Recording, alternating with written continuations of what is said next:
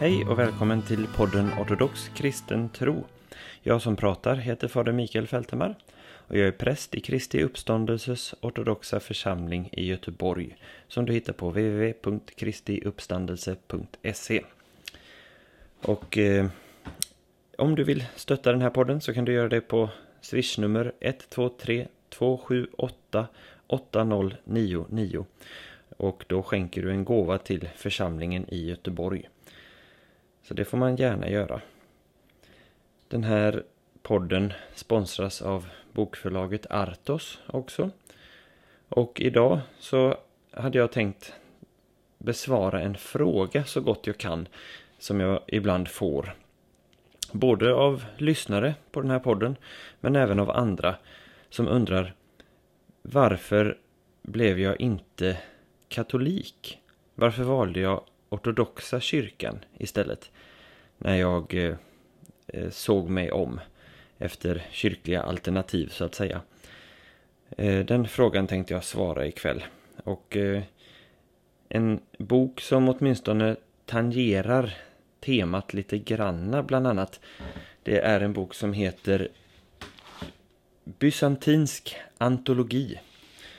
Och som är eh, översatt och sammanställd av Jan-Olof Rosenqvist. Och den, den här boken kom ut 2005. Och, och den är utgiven på Norma som är ett eh, dotterbolag till Artos. Men du hittar fortfarande boken på eh, www.artos.se, alltså bysantinsk antologi. Och, och i den så har eh, Rosenqvist samlat texter från den eh, bysantinska eh, tiden, Östrom. Eh, nu ska vi se, de sträcker sig väl från eh, 500-talen till Konstantinopels fall år 1453. Och eh, i den här, det finns jättemånga väldigt intressanta texter i den här samlingen. Och en av de texterna är ur Niketas Koniatis historiska redogörelse. Så är det ett utdrag från då eh, västerländska kristna plundrade Konstantinopel. Och eh, det är ganska så omskakande att läsa. Jag ska bara läsa ett kort stycke så här. Det står på sidan 291. I vilken ordning ska jag berätta om de hänsynslösa dåd som då begicks av dessa våldsverkare? Han talar om de som alltså intog Konstantinopel år 1204. Ack, hur respektlöst de slungade till marken de bilder som vi visar vår vördnad och genomborrade med sina spjut relikerna av dem som på heliga platser lidit för Kristi skull. Fasansfullt redan att höra talas om är det faktum att man såg Kristi heliga blod hällas ut och hans lekamen kastas på marken. Och så vidare och så vidare. Så det, och det fortsätter och, och blir bara värre. Så den här boken, eh, den har också mera positiva eh, och uppmuntrande texter. Men eh, just detta tangerar ämnet idag. Du hittar den på www.artos.se. Och den här händelsen som jag berättade om. Det var ju 1204. Och eh, ibland så kan man fortfarande höra kors, det fjärde korstågets plundring av Konstantinopel som ett argument till eh, att man inte ska bli katolik. Det var inte mitt argument i alla fall, men eh, som jag sa, detta tangerade ämnet eh, lite grann i alla fall. Jag ska säga att jag tycker att det här är ett svårt ämne på många sätt och vis. Därför att jag har många vänner som är katoliker och som jag respekterar mycket. Eh, och jag har inte för avsikt alls att eh, såra någon eller säga något eh, klantigt eller sådär Utan jag försöker att uttrycka mig så bra jag bara kan. Och ska försöka vara så rättvis jag också bara kan. Ehm, angående mitt eget personliga val. Och jag hoppas att lyssnaren ska ha förståelse för det. Och, och eh, jag ska försöka att uttrycka mig diplomatiskt. Men eh, man kan börja lite grann med en eh, kortfattad genomgång. Jag har ju ibland fått erfara att ortodoxa kyrkan är ganska okänd i Sverige. Även i kristna kretsar. Det börjar väl förändras visserligen lite granna. Men ibland så kan man få uppfattningen att folk tror att ortodoxa kyrkan och romersk-katolska kyrkan är nästan samma sak. Bara att eh, vi har fler ikoner och ingen påve, typ. Och man får skilja sig. Ehm, och därför så kan man tycka att när man ställs inför valet om man ska konvertera, vad ska man bli då? Ortodox eller romersk-katolik? Ja, men det är väl hugget som stucket. Ta det som liknar svensk kristenhet mest då. Och så går man och blir katolik. Och jag har faktiskt hört en del argumentera så också som har blivit katoliker och sagt att ja men det valet det var av pragmatiska skäl. Eh, så, men det, jag hoppas att vi efter den här avsnittet ikväll ska att jag ska kunna ha förmedlat att det finns en hel del fler skillnader eh, som åtminstone var viktiga för mig. Om man kollar historiskt då så var eh, romersk-katolska kyrkan en del av ortodoxa kyrkan fram till 1054. Man brukar tala om pentarkin. Det är ett eh, svårt ord som betyder ungefär de fem städernas eh, centrala styre i kyrkan. Och de här fem städerna var historiskt sett eh, då Jerusalem, Antiochia, Alexandria, Konstantinopel och Rom. Och på 1000-talet då så föll Rom bort från den här kyrkogemenskapen och gick en egen väg. Men de fyra andra finns kvar och jag hör då som präst till Antiochia. Så en av de här allra första. Och eh, Rom gick sin egen väg och kom att utveckla vissa eh, särdrag eh, lite egenartat. Eh, men de andra eh, fyra kyrkorna eh, fortsatte på sitt inslagna spår. Och eh, så kom det ju så småningom också till andra patriarkat till den gemenskapen. Så till exempel i Belgrad eller Kiev, Moskva och så vidare. Så uppkom andra ortodoxa kyrkor. Men man brukar säga att 1054 det var ett definitivt år då enheten bröts. Och eh, då gick påvens delegat in i Heliga Vishetens kyrka i Konstantinopel och la en påvlig bannbulla på högaltaret i den ortodoxa kyrkan. Och, och eh, det besvarades snart av patriarken i Konstantinopel. Och så småningom så eh, höll även de andra patriarkerna med om att man exkommunicerade påven i, i Rom. Um, men det var en process som hade pågått ganska länge. Man kan nog förenklat säga att den pågick från 800-talet till 1200-talet. Och det här citatet som jag inledde med om plundringen av Konstantinopel utgjorde så att säga eh, spiken i kistan för eh, återföreningsförsök. Och man gjorde andra eh, försök till förening senare under historien men det, de var fruktlösa. Vi kommer att återkomma till dem snart. Men hur som helst, 1054 då gick man skilda vägar. Och då är det värt att komma ihåg det att lutherska kyrkan och reformationen det var en, en reaktion mot missbruk som förekom i den katolska kyrkan och som inte förekom i den ortodoxa kyrkan. Så det kan vara värt att begrunda när man eh, eh undersöker de här två kyrkorna. Nå, hur som helst. Eh, det här är ju min berättelse om varför jag blev ortodox och inte katolik. Och som sagt, det är en fråga jag har fått och därför så besvarar jag den. Och jag ska försöka vara så eh, klok jag bara kan, om det nu säger så mycket. I, när jag blev ortodox, då föll jag verkligen pladask för ortodoxa kyrkan. Jag tyckte det var en underbar kyrka och det tycker jag fortfarande.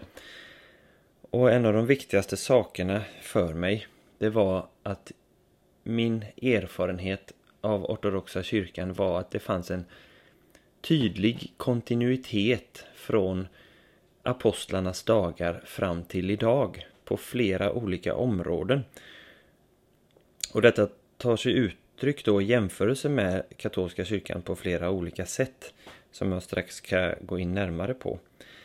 Men eh, när jag hade läst kyrkofäderna, när jag hade läst eh, de apostoliska fäderna och studerat liturgin lite grann och sådär och, och kom till en ortodox gudstjänst så föll jag pladask när jag kände igen alltihopa och när jag förstod det, den vördnaden för eh, Gud och hans helgon som fanns i kyrkan, vördnaden för liturgin som hade traderats och bevarats, för det asketiska livet. Jag, jag fascinerades verkligen av det, attraherades av det och den eh, allomfattande eh, teologiska vision som man hade. Eh, och det gjorde jag inte helt enkelt med den romersk-katolska kyrkan fastän jag hade vänner som var katoliker redan då och hade besökt någon katolsk gudstjänst och läst lite grann om det så fanns inte samma fascination där. Och det fanns istället vissa saker som eh, Eh, var som hinder eh, för att eh, lockas av katolska kyrkan. Och jag ska gå in på några av dem här. De är ganska självklara egentligen. Det är påvens anspråk. Så som det kommer att utvecklas i historien. Det är filioque-tillägget i trosbekännelsen. Det är den mera legalistiska inriktningen på andligheten.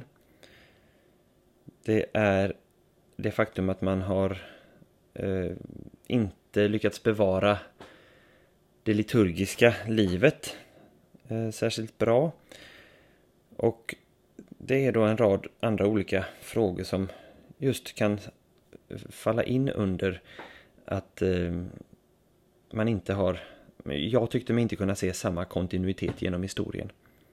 Men om vi kollar då först på påvens anspråk eh, Eh, så är ju det som eh, det, det, har funnits eh, i katolska kyrkan under en lång tid.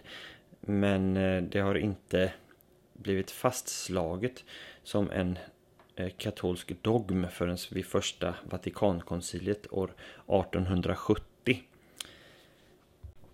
Där talade man bland annat om påvens ofelbarhet och eh, överhöghet över de andra kyrkorna.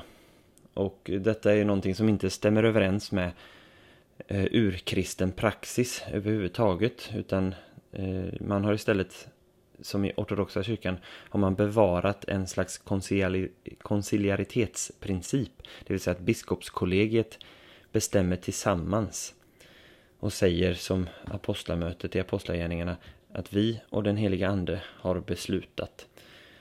Ehm, och, och därför så har ortodoxa kyrkan alltid avvisat alla anspråk som har gjorts i historien på påvens överhöghet. Men i första Vatikankonciliet så, eh, 1870 så sa man så här om detta, jag ska läsa på engelska. Det är alltså de romersk-katolska kyrkans biskopar som säger på engelska. Wherefore we teach and declare that by divine ordinance the Roman Church possesses a preeminence of ordinary power over every other church, and that this jurisdictional power of the Roman pontiff is both episcopal and immediate. Both clergy and faithful of whatever right and dignity, both both singly and collectively, are bound to submit to this power by the duty of hierarchical subordination and true obedience.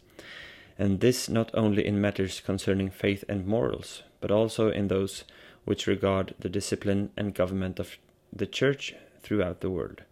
This is the teaching of the Catholic Church, and no one can depart from it without endangering his faith and salvation. Så det är ganska hårda ord. Att det, man riskerar sin frälsning om man inte håller med om den läran. Och det där har väl Eh, romersk-katolska teologer fått brottas med och äta upp allt sedan dess. För att det ju, förstår man ju nästan rakt av att det är ett alldeles orimligt uttalande. Ehm, men det återkommer också i Andra Vatikankonciliet som slår fast detta genom en rad olika ehm, dekret. Till exempel kan man läsa i dokumentet Lumen Gentium från Andra Vatikankonciliet så här. And the faithful for their part are obliged to submit to their bishop's decision made in the name of Christ in matters of faith and morals and to adhere to it with a ready and respectful allegiance of mind. This loyal submission of the will and intellect must be given in a special way to the authentic teaching authority of the Roman pontiff, even when he does not speak ex cathedra, in such wise indeed that his supreme teaching authority be acknowledged with respect and sincere assent be given to decisions made by him, conf- conformably with his manifest mind and intention. Så det är ganska så tydligt och det finns också i katekesen. Eh, och det går eh, rakt emot Eh, ortodox förståelse av biskopskollegiets roll. Men i ortodoxa kyrkan så tror man inte att en enda person har sanningens fullhet.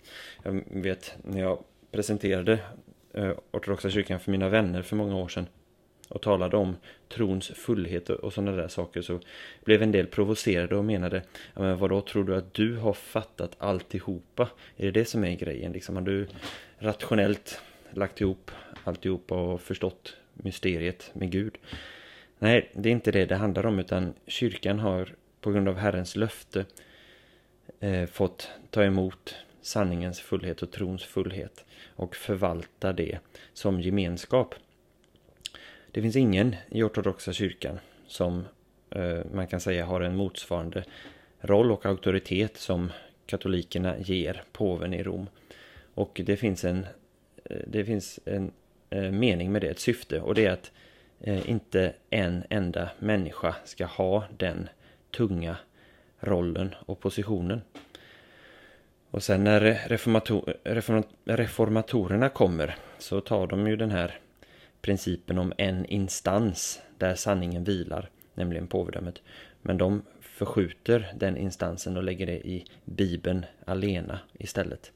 Så det är så att säga en, en annan sida av samma mynt. Ja, det var lite grann om eh, påvens eh, anspråk på överhöghet och det finns också eh, anspråken på ofelbarhet när han talar ex cathedra. Eh, men det är, jag tror inte det finns någon som riktigt vet när han har gjort det. Olika uttalanden som påvar kanske har sagt eh, ex Katedra som är problematiska idag försöker nog teologer att visa på att ja, fast det var nog inte riktigt, alla kraven var inte riktigt uppfyllda och så vidare. Så jag vet inte eh, vad någon på har sagt ex Katedra riktigt faktiskt. I det dokumentet från första Vatikankonciliet där det här slås fast så skriver man att Eh, such definitions of the Roman pontiff are of themselves and not by the consent of the church irref uh, irreformable. So then should anyone, which God forbid, have the temerity to reject this definition of ours, let him be anathema. Så det står i Pastor Eternus. Och eh, det är också lika hårda ord som det var i, i det som sades om påvens jurisdiktion över alla kyrkor. Att den som inte tror så här och den som inte erkänner detta i romersk-katolska kyrkan är de facto eh, utesluten, hör inte till kyrkans gemenskap. Och det är oerhört problematiskt för jag tror att det är väldigt få katoliker som egentligen tror detta. Här är de också explicita med att eh, påvens uttalande skulle ske utan eh, kyrkans medgivande. Så påven är i sin person då eh, har den här förmågan. Detta attraherade inte mig överhuvudtaget utan snarare lockades jag mycket starkt av ortodoxa kyrkans betoning av konciliariteten att eh, kyrkan äger sanningen. Det är inte lika snyggt och ordnat, det ska jag erkänna. Inte ABC 1, 2, 3. Det är lite mer kaotiskt. Men det finns en stark förtröstan på att Kristus är kyrkans huvud och den helige ande leder kyrkan framåt. Och det finns nog få kyrkor som kan vittna om att ha stått fast på grund av Guds nåd genom historiens alla olika prövningar som den ortodoxa kyrkan har gjort. Här brukar någon komma och eh, påpeka att jo men kyrkofäderna talar ju visst om påvens överhöghet. Nej, det är inte så många kyrkofäder som gör det utan det är faktiskt så att kyrkofäderna och de ortodoxa de har alltid bejakat att biskopen av Roms företräde, ehm, den främste bland jämlikar. Men man har aldrig bejakat påvarnas överhöghet. Det finns liksom inget magiskt i påvedömet som gör att de har en högre auktoritet än de andra biskoparna utan påven är en biskop bland andra biskopar. Ja, fram tills enheten bröts då. Eh, ortodoxa kyrkan eh, menar att Kristus och inte påven är kyrkans huvud. Och det vet ju var och en som har läst Bibeln att det finns många instanser där Paulus talar om Kristus som kyrkans huvud. Det finns också en eh, kyrklig kanones, en, eller kanon rättare sagt, från eh, konciliet i Kalsedon, eh, kanon 28, som talar om Roms eh, som, det, som det främsta patriarkatet. Eh, men man grundar det på stadens sekulära status i riket. Det var det första Rom. Konstantinopel ska ha status som tvåa eh, för att det är det andra Rom. Det finns inget tal eller man hänvisar inte där till eh, typ när Jesus säger till Petrus att du är klippan på vilken jag ska bygga min kyrka och sådana där saker. Eh, när kyrkofäderna och de ortodoxa de vördar påven på detta viset, alltså innan man förlorade enheten. Eh, men det finns eh, en vilja hos många att läsa kyrkofädernas citat som lite anakronistiskt, alltså lite tagna ur sitt sammanhang och sin kontext. Och hur det här Ehm, rent konkret tar sig uttryck, hur de ortodoxa skulle kunna se en enhet med påven igen, det ska bli anledning för ett avsnitt som kommer i höst, då jag ska gå igenom eh, både historiska och moderna dokument från ortodoxa kyrkan som talar om just det. Ehm, vår syn på påven. Ja, jag ska ta och gå vidare eh, jag ska bara säga en sista sak. Och det är att um, före andra Vatikankonciliet så hade man i, i samband med synen på påven som hela kyrkans överhuvud. Då hade man en syn på de ortodoxa kyrkorna och orientaliska kyrkorna. Att de blir fullt ut kyrkor när de träder in under påven. Så har man kanske visserligen det nu fortfarande. Men då var det väldigt tydligt. Och då sysslade man med proselytism. Det vill säga att man åkte till ortodoxa länder och missionerade på olika sätt i de här länderna. Och det kunde se ut på många olika sätt. Jag har ju framförallt läst och studerat hur det såg ut i Mellanöstern. Under hur kyrkorna levde under islam där. Och eh, då kom det dit eh, jesuiter, franciskaner och dominikaner, alltså olika munkordnar, och bedrev aktiv mission. Och då kunde det vara så att i och med att de kristna under islam eller under osmanska väldigt framförallt levde som andra klassens invånare så hade de inga pengar.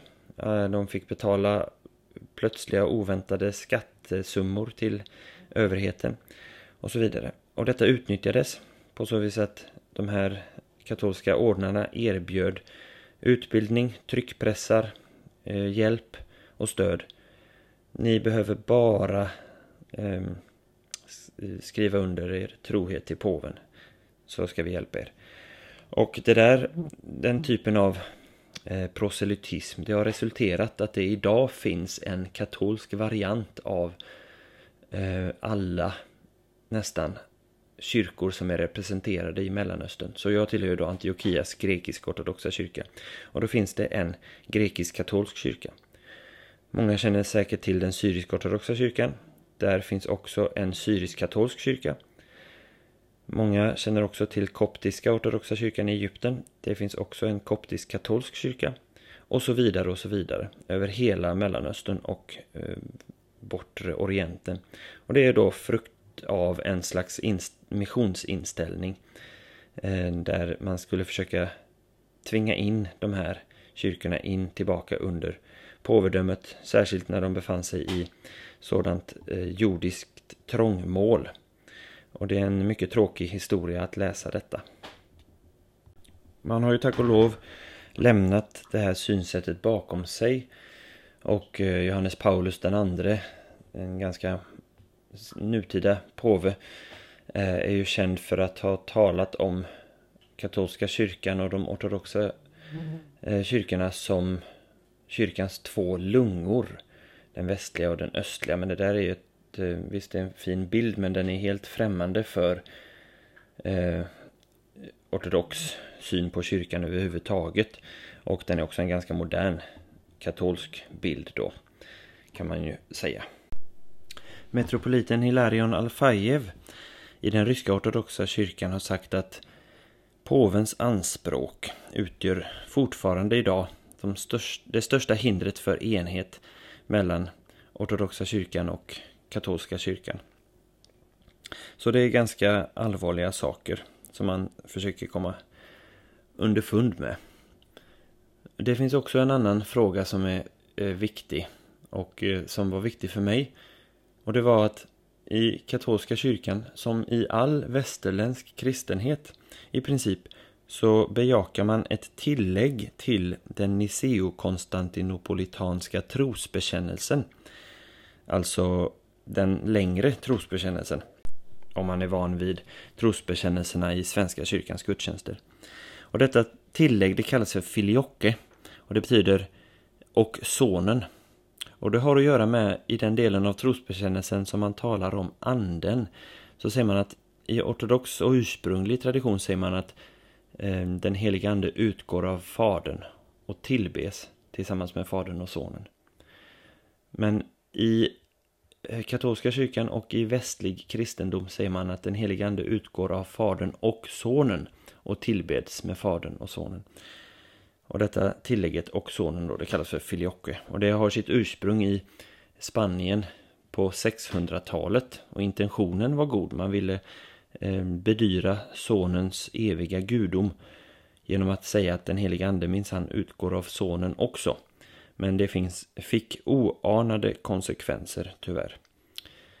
Och det stora problemet här är först och främst att man bryter kyrkans enhet genom att egenmäktigt lägga till något till en ekumenisk trosbekännelse.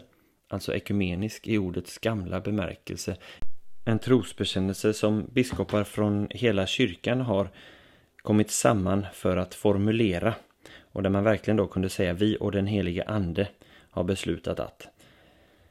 Eh, så det la man egenmäktigt till.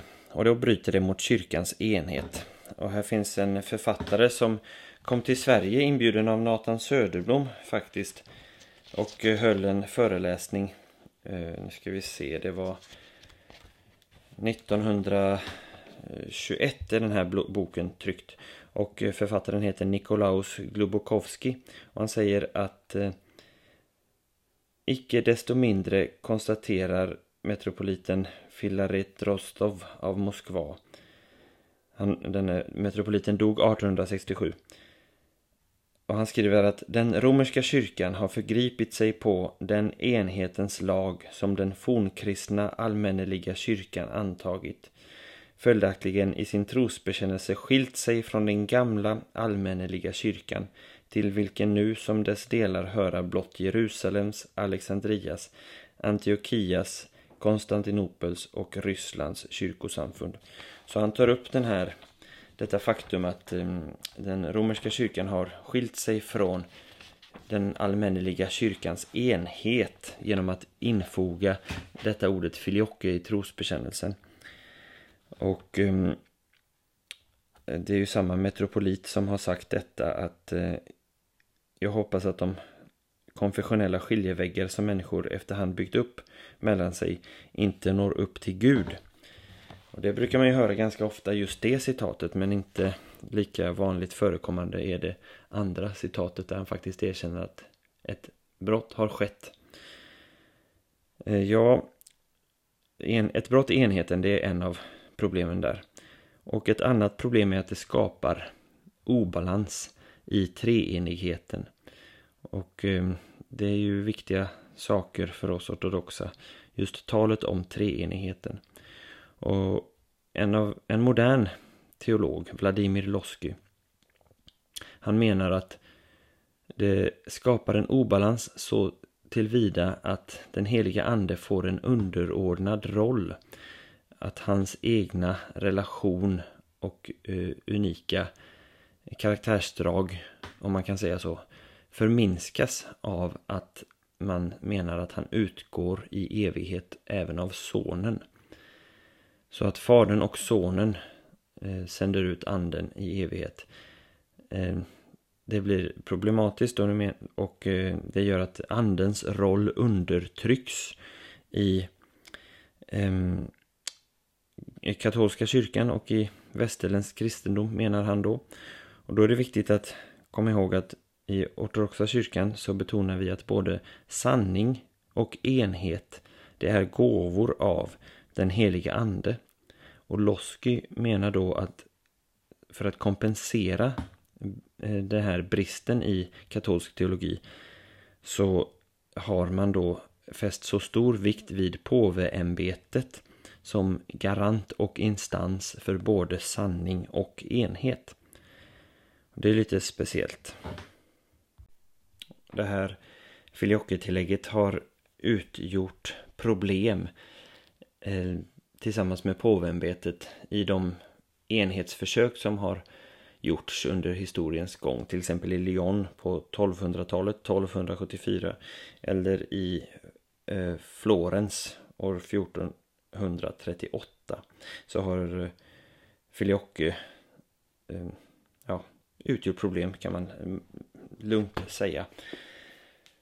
Ehm, ja, det är Filioque då. Det, man ska säga det också att i dagens dialog så försöker man hitta vägar där Filioque kan accepteras. Ehm, men det faktum kvarstår att det är ett tillägg som har gjorts utan den världsvida kyrkans eh, acceptans eller delaktighet utan det, det har gjorts spontant på eh, initiativ av en del av kyrkan. Och därför är det svårt för ortodoxa kyrkan att acceptera det. Ja, jag ska gå vidare. Det var två saker, påvens anspråk och filioque. Sen så, för egen del, så tycker jag att ortodoxa kyrkans liturgi är guld. Underbar, så fantastisk.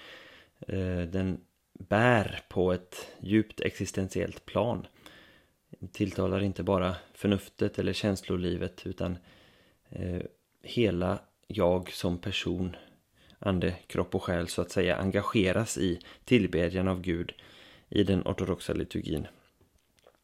Och eh, det har jag liksom aldrig riktigt haft den förståelsen av den katolska liturgin. Eh, att man har eh, lyckats bevara den här eh, traditionen från fäderna på samma sätt i, i sin, sitt liturgiska arv.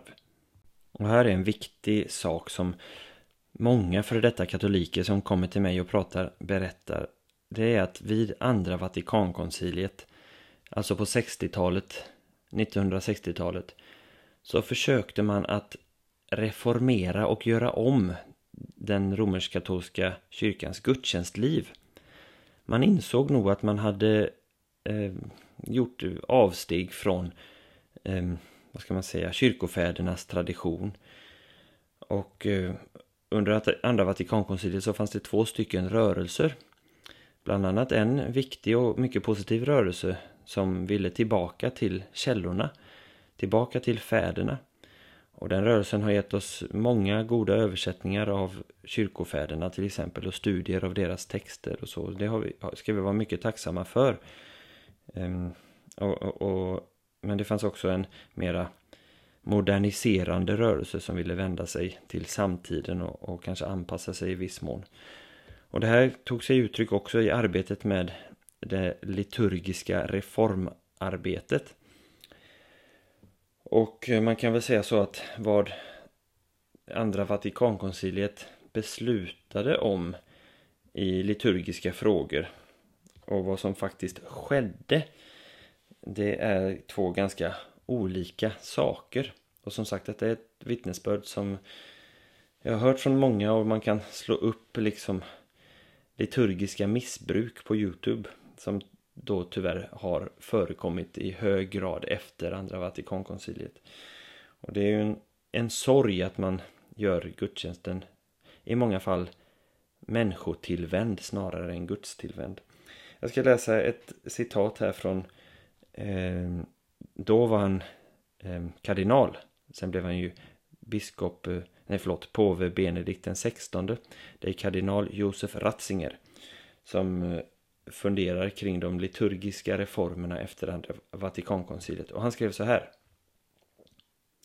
One cannot manufacture a liturgical movement, but one can help contribute, contribute to its development by striving to reassimilate the spirit of the liturgy and by defending publicly what one has thus received. What happened after the council was something else entirely. In the place of liturgy as the fruit of development came fab- fabricated liturgy.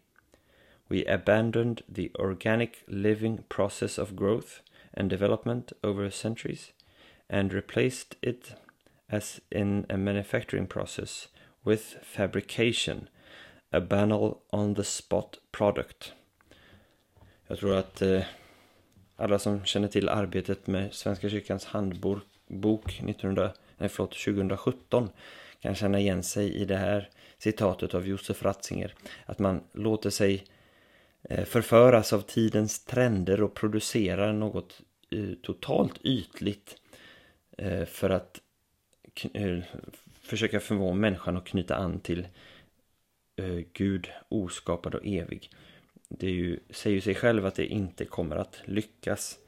Det är väldigt sorgligt att det blev så. Det finns eh, många katolska eh, katoliker som menar att man vill eh, ge klartecken kring vad andra Vatikankonciliet egentligen menade.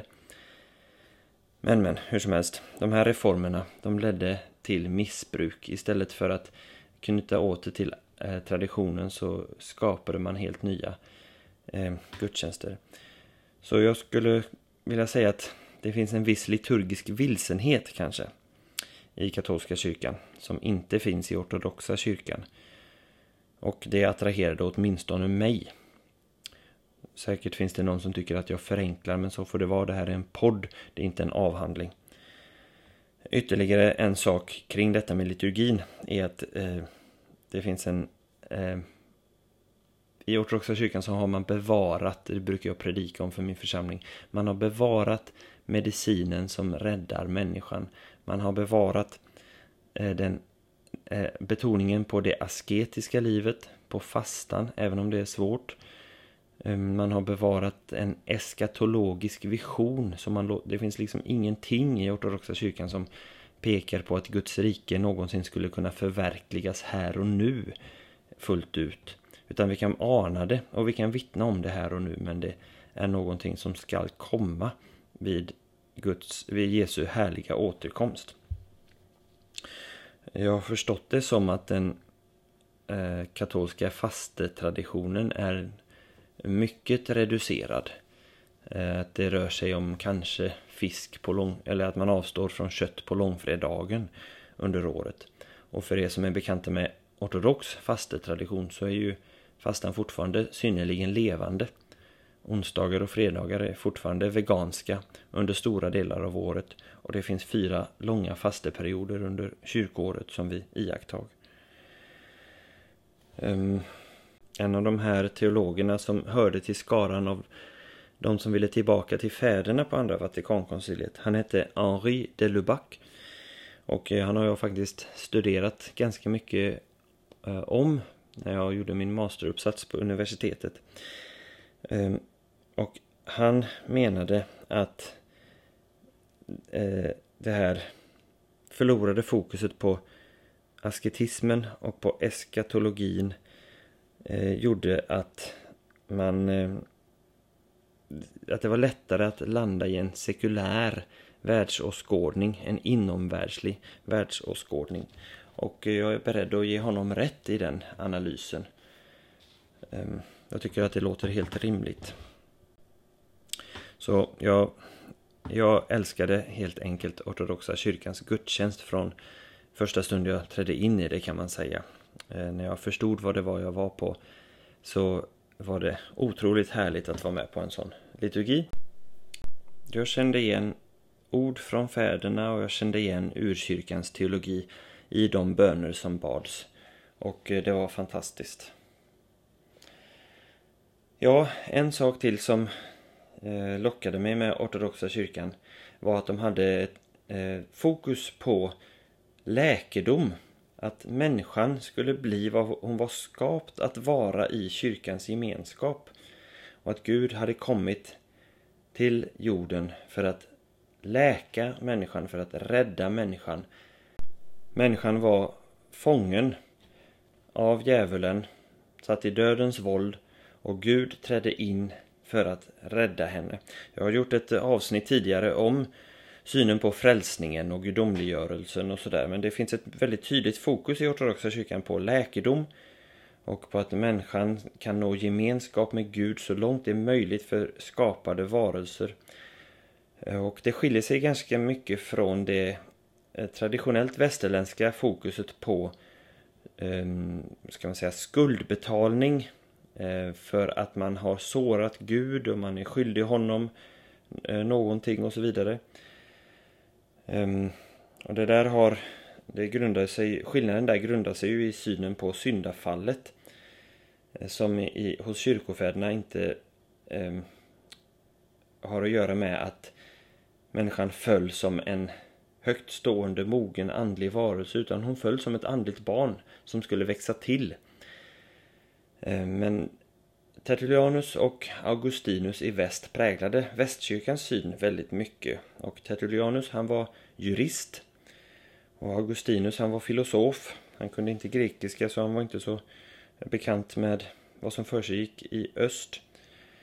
Eh, men det kom, de kom att ge västlig kristendom ett huvudfokus på eh, försoningsspråk och en förståelse av kristendomen i juridiska termer som kom att förmedla en viss legalism i, till eh, västkyrkan.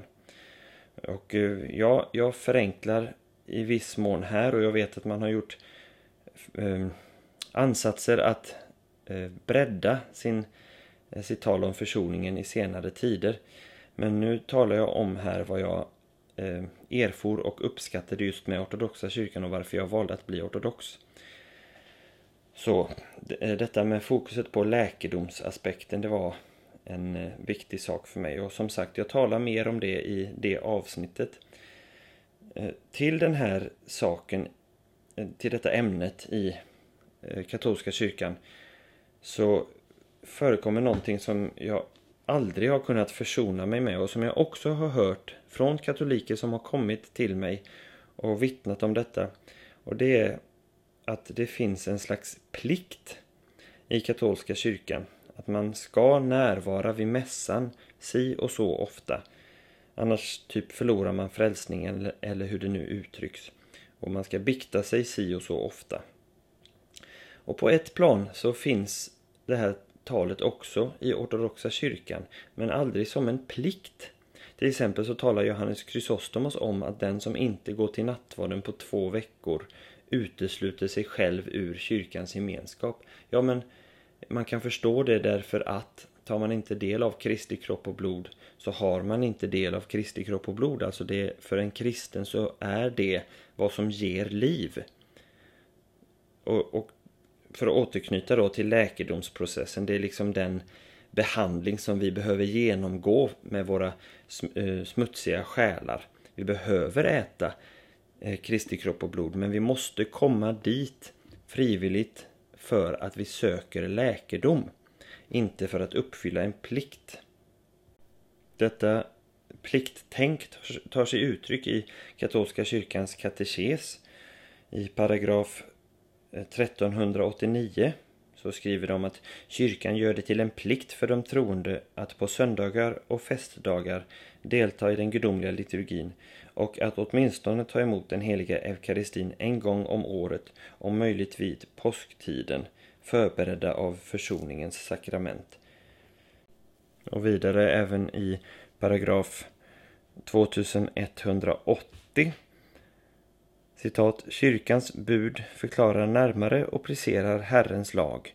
På söndagar och andra påbjudna helgdagar är de troende förpliktade att delta i mässan. Man uppfyller förpliktelsen att delta i mässan då man bevistar en mässa som firas enligt katolska kyrkans ordning på själva helgdagen eller föregående kväll. Här är jag lite, här ställer jag mig frågande till formuleringen bevistar en mässa. Eh, så jag undrar om det räcker att bevista en mässa eller eh, ska man eh, ta del av själva sakramentet. Jag hoppas att man åtminstone ska ta del av sakramentet. Och så vidare. Det finns flera sådana här ställen där den här plikten tar sig uttryck. Och det är det språket är främmande och, och, ett uttryck för den här legalismen eller det juridiska sättet att tala om det kristna livet som Ehm, man nog måste säga är eh, präglar västkyrkan i stort. Eh, katolska kyrkan i synnerhet fram till andra Vatikankonciliet och även de reformatoriska kyrkorna som ju är barn av katolska kyrkan även vad gäller synen på försoning och eh, många andra saker. Så de här fyra, det är fyra stora och viktiga aspekter av varför jag inte blev särskilt attraherad av katolska kyrkan. Ytterligare saker som för mig visade att det inte fanns en kontinuitet från apostlarnas dagar. Det var till exempel eh, det som man talar om som läroutveckling. Där finns det också ett dokument från Andra Vatikankonciliet som talar om att den katolska läran har eh, kontinuerligt utvecklats Eh, under olika delar av historien. Eftersom genom, eh, på engelska As the centuries succeeded one another the church constantly progresses toward the fullness of divine truth. Och eh, det, det, finns en tanke på läroutveckling. Att man eh, förstår tron bättre idag än vad man gjorde på apostlarnas dagar. Man får nästan intrycket av att den heliga ande så att säga eh, uppenbarar mer och mer bit för bit för kyrkan. Och jag tror att den här synen på läroutveckling i viss mån hänger samman med en slags positivistisk syn på kunskap som kommer från upplysningen och som också återkommer i, väst, eh, alltså i lutherska sammanhang. Jag har hört det eh, omvittnat. Eh, där man så att säga får till sig mer och mer av eh, sanningen. Ortodoxa kyrkan däremot eh, står bergfast fast vid att hela sanningen har blivit given till apostlarna och vi idag kan inte säga att vi förstår apostlarna eh, eller förstår tron bättre än vad apostlarna gjorde på sin tid vilket påverkar vår syn till exempel på frågan om kvinnliga präster eller sådär. Vi tror att Paulus var ledd av den heliga ande eh, lika hög grad som vi är ledda av den heliga ande idag. Det är samma ande eh, då som nu som talar. Och den här Nikolaus eh, Glubokowski som jag citerade tidigare, han säger att den ortodoxa kyrkan för egen del inte har några som helst anspråk på utveckling i dogmatiskt avseende och avvisar andras anspråk av denna art som orättmätiga. Och den här synen på läroutveckling, det får ju vissa konsekvenser då. Eh, man kan ta som, alltså några exempel som eh, på detta, det är läran om den obefläckade avlelsen. Att Maria föddes utan delaktighet i arvsynden. Eller läran om påvens ofelbarhet då, som är ett påhitt i modern tid. Ehm, och ett annat annat exempel av pastoral karaktär är frågan om vem som kan bli frälst, vilket skiljer sig ganska mycket åt genom historiens gång. Eh, fram till och med andra Vatikankonciliet så var det bara eh, de som var i, stod i enhet med påven i Rom som kunde bli frälsta enligt romersk-katolsk lära. Men allt sedan dess så är det ganska stor skillnad. Ehm, jag ska läsa också Nikolaus Glubokowski som eh, citerar påven Innocentius den tredje som levde i början av 1200-talet. Och han, han skrev att citat Grekerna avfallit från enheten med det apostoliska sätet och den romerska kyrkan som enligt Herrens bud är alla troendes moder och lärarinna. Då vore, eh, därför vore de grekiska uppenbara kättare som måste omvända sig genom att återförena sig med den rättrogna kyrkan. Ehm, så där finns ju ganska hårda ord mot ändå kristna som delar ganska mycket. Men ehm, från och med andra Vatikankonciliet så är man beredd att öppna upp frälsningens möjlighet för betydligt fler, kan man säga. Så det är ett eh, tydligt exempel då på läroutveckling. Ytterligare en sak som slog mig eh, tidigt var att ortodoxa kyrkan har hållit samman mycket noga eh, och hållit för sant det som Evagrius av Pontus har sagt att den som är en sann teolog är den som ber i ande och sanning. Och att man har bevarat just bönen och det liturgiska livet som, en, som ett mycket viktigt fundament för det teologiska arbetet. Eh, och att man inte har givit förnuftet ett, eh, en överordnad plats i förståelsen av tron och i relationen till Gud. Detta talar bland annat Gregorius Palamas om i hans mycket viktiga verk Triaderna. I den första delen så talar han om världslig visdom i förhållande till kristen visdom som man då erhåller genom bön och asketiskt och liturgiskt liv. Och han förkastar världslig visdom som en väg till Gud.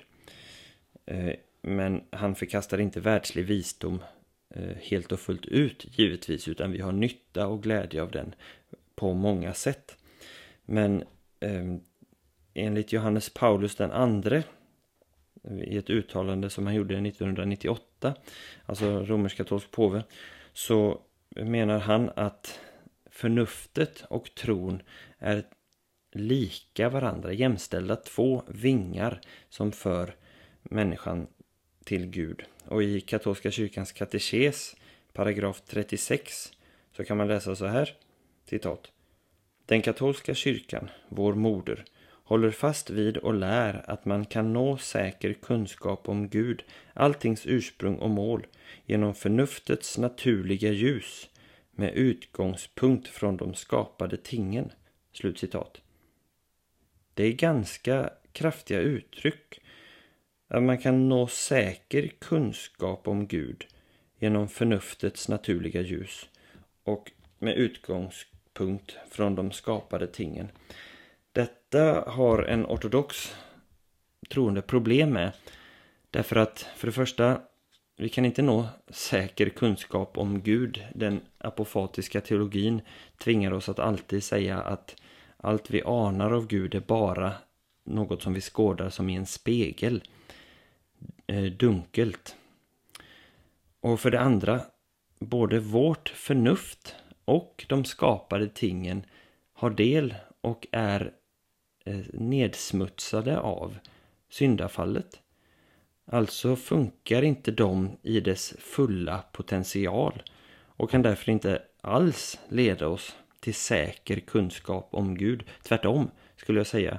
Ofta så förleds vi av dem. Men i kyrkan genom den heliga Andes hjälp och Herrens egna löften så leds vi fram till säker kunskap av Gud. Inte genom att dissekera Bibeln eller eh, dissekera teologin utan genom att be, genom att tillbe Herren, genom att ta del av Gud i sakramenten och genom för de få förunnade skåda Guds oskapade ljus i bönens erfarenhet. Så det där är att man placerar förnuftet på en så hög piedestal, det är eh, främmande för en ortodox. Och det har fått vissa konsekvenser i katolsk tro som också är, eh, tycker jag, mycket svåra att försonas med. Till exempel så skjuter man upp kommunionen och bikten tills, till en förnuftig ålder, om det nu finns någon sådan. Och det där återkommer ju också sen i reformationen. Att man eh, undanhåller kommunionen, alltså nattvarden, från de troende tills dess de förstår vad det är frågan om. Men vem kan någonsin förstå vad sakramenten är frågan om fullt ut? Nej, det är ingen som kan göra det. Och dessutom skapar det en rad problematiska problem. Människor som är förståndshandikappade skulle ju aldrig kunna ta emot sakramenten och förstå vad det är utifrån en förnuftsbaserad utgångspunkt. Ehm, så att det tycker jag är, är djupt problematiskt utifrån pastoralt perspektiv. Och dessutom, våra spädbarn som vi döper, är inte de fulla medlemmar i kyrkans gemenskap och har inte de rätt att ta emot Herren Jesu Kristi kropp och blod till syndernas förlåtelse och till evigt liv? Jo, givetvis har de det. De är ju delaktiga, i, de är fullvärdiga medlemmar i kyrkan som nydöpta barn. Så man ska inte undanhålla dem från nattvarden av förnuftsskäl. Gregorius av Nassiansos. Han är en av de tre som kallas för teolog i vår tradition. Han säger att eh, fäderna själva bedrev teologi på samma sätt som apostlarna som ju var fiskare. Och inte på samma sätt som Aristoteles. Och det betyder att även olärda män kan vara fullgoda teologer i den ortodoxa traditionen. Och detta omvittnar ju vår eh, helgon eh, flora om. Många som var okunniga i världens ögon men som var, hade stor kunskap hos Gud. Och det har att göra med att eh, hos oss är det så att säga själens högsta instans som blir upplyst av närheten till Gud och, och gemenskapen med Gud. Det är inte en slags deduktivt resonerande som leder oss fram oundvikligen till mer och fler sanningar om Gud. Utan det är bönen och umgänget med honom som, som gör det. Så man, man får inte lägga för stor vikt vid den mänskliga förmågan. Men man ska också värdera den mänskliga förmågan. Men det, inte, det kan absolut inte ge oss sann kunskap om Gud. Utan det måste föregås av bön och liturgiskt liv och asketiskt liv. Ja, allt detta är en rad olika skäl som fick mig att inte vara särskilt attraherad av den katolska kyrkan utan lockas av den ortodoxa kyrkan. Jag skulle nog inte kunna uttrycka det då, för elva år sedan, som jag har gjort det här idag. Men jag skulle nog känna igen det Ehm, om jag fick höra det då. Och som jag inledde med, det här är min egen personliga resa, mina egna erfarenheter. Och de är inte sagda för att göra någon ledsen och i så fall be om ursäkt. Ehm, men det här är min resa och den delas inte bara av mig. Jag vet många som omvittnar liknande ehm, erfarenheter helt enkelt. Det betyder inte att eh, man inte kan bära ett hopp om enhet, försoning. Eh, vi kan både uppvisa välvilja och tala sanning med varandra i våra olika kyrkotraditioner. Och jag för min egen del är riktigt trött på ytlig trevlighetsekumenik. Jag ser ingen framkomlig väg för det. Men jag ser en framkomlig väg av att tala välvilligt och sanningsenligt och att göra sitt bästa för att respektera och nå fram till varandra och se det goda hos varandra.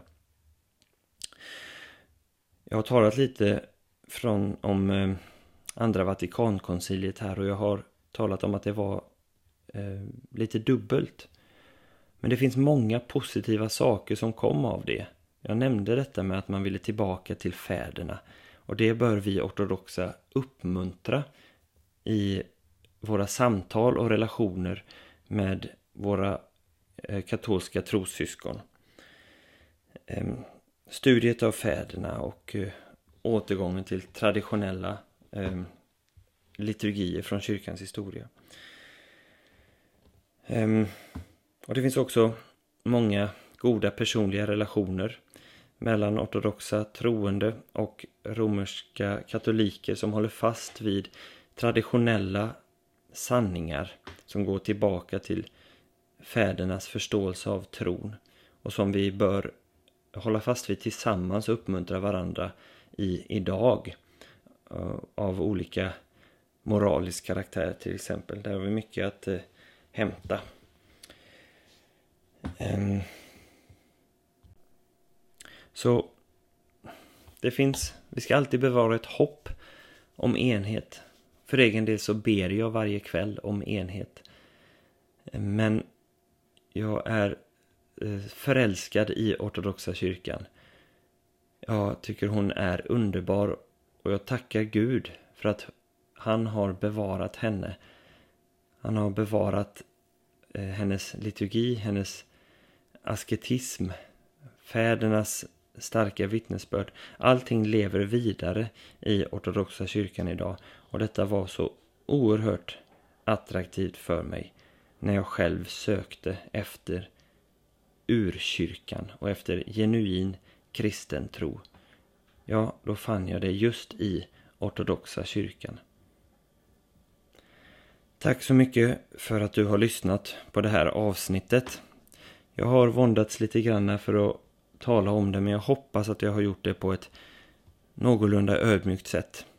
Hur som helst, du som lyssnar kan alltid höra av dig till mig på mikael.falthammar.gmail.com om du har frågor eller funderingar eller är arg och sur eller vad det nu kan vara.